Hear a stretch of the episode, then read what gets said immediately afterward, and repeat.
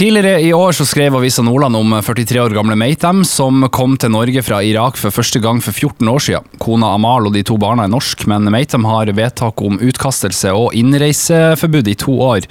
Kirkens Bymisjon i Bodø har engasjert seg for mannen som har jobba frivillig på Bymisjonens matstasjon etter at han eh, fotlenkesona deler av straffa for brudd på innreiseforbud der. Og Astrid Marie Silamo, du er kollega med Meitam, og også den som har starta en innsamlingsaksjon. Eh, fortell litt om, om denne. Ja, eh, nei, altså jeg syns jo dette det er jo helt forferdelig det som skjer. Og jeg vet at eh, man har eh, enorme utgifter for eh, advokatutgifter når, når man er flyktning. og det syns jeg er en belastning som de absolutt ikke trenger å ha akkurat nå, sånn at da valgte jeg å starte en spleis. Eh, og etter fire dager allerede så hadde vi 39 000, samla inn 39 000. Så det er jo masse folk eh, rundt som bryr seg om denne familien og engasjerer seg i denne saken. Du, du arbeider med, med Meitam, kan du si litt om han? Ja, vet du, han er bare en sånn utrolig effektiv, eh, raus, varm person som alltid sier ja. Eh, ser han at en av oss kommer bærende med noe, så kommer han øyeblikkelig og tar det ut av armene våre. Så, eh, og han, han, han, jobber utrolig. Han er en drømmeansatt for Kirkens Bymisjon, vil jeg si.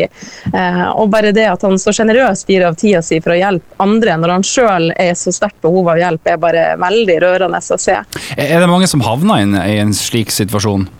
Det er jeg litt usikker på, men eh, ut ifra det jeg har opplevd eh, de siste årene, så ser jeg at det er flere som har bodd veldig lenge i Norge og, eh, og må forlate landet etter de har rukket å etablert seg veldig godt her. og det, det er helt grusomt. Mm.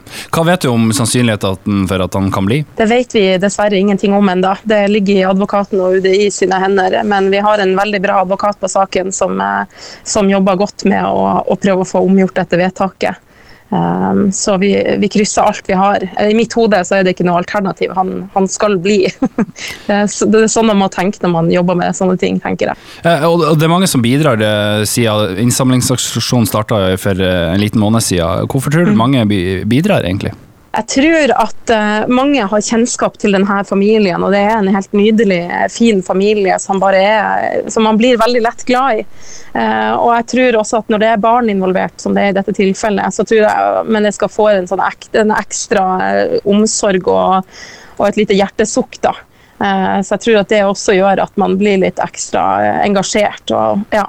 Eh, vi, vi, har publisert litt om det på, på vår internettside radio3.no, men hvis man har lyst til å på en måte bidra, eh, hva gjør man da? Det har jeg laga ei intern gruppe som heter La Meitam få bli i Norge. Eh, mener den heter, ja. Og Der ligger informasjon, det ligger, det ligger, bilder og litt sånn. Vi hadde en markering for han ute på Mjelle i går, faktisk, som var veldig fin. Og Der ligger det også en link til Spleisen, så man kan gå inn og og bidra hvis man ønsker det. Det setter både familien og jeg veldig stor pris på.